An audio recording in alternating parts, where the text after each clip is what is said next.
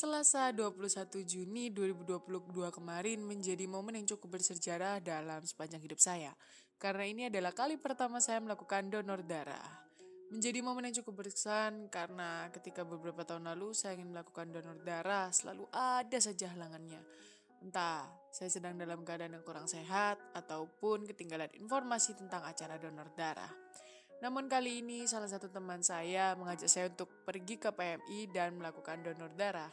Sebetulnya tidak ada acara yang spesial, namun hal ini dilakukan secara spontan. Rasanya campur aduk antara senang dan gugup. Senang karena akhirnya bisa memiliki panggilan hati lagi untuk donor darah melalui teman saya. Tetapi di sisi lain gugup karena takut tidak lolos screening kesehatan yang dilakukan sebelum donor. Namun, pada akhirnya saya hanya bisa menyerahkan semua kepada tangan Tuhan. Toh, semisal memang sudah jalannya saya melakukan donor, semua akan Tuhan berikan kelancaran, kan? Akhirnya, ternyata saya lolos screening kesehatan dan bisa berpindah ke ruangan lain untuk melakukan donor darah. Tentunya saya sangat bersyukur karena semua proses donor darah dapat berjalan dengan sangat lancar, mulai dari pendaftaran, screening, donor, sampai semuanya selesai. Dari situ saya menyadari bahwa ini memang suatu kebaikan Tuhan yang patut untuk disyukuri. Dan memang sudah waktunya untuk saya bisa melakukan donor darah.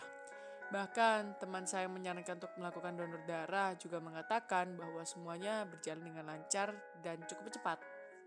Tentunya saya sangat bersyukur karena hal itu.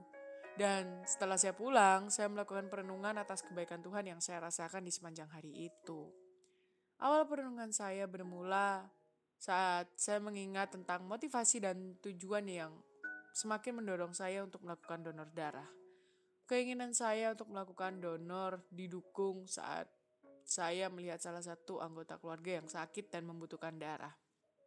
Saya menyadari dan melihat secara langsung bahwa ternyata darah dari orang lain bisa jadi sangat berharga bagi mereka yang membutuhkan.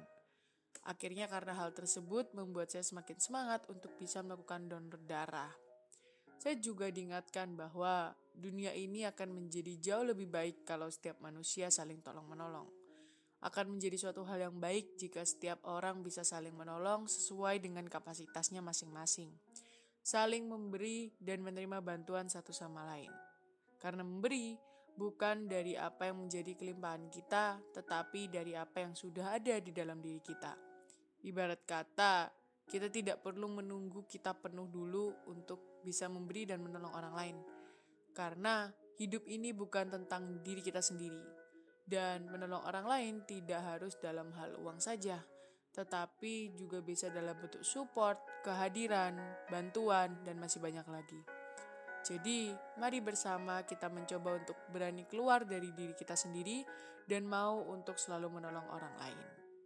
Terima kasih sudah mendengarkan podcast Jadi Berkat kali ini ya. Tuhan berkati.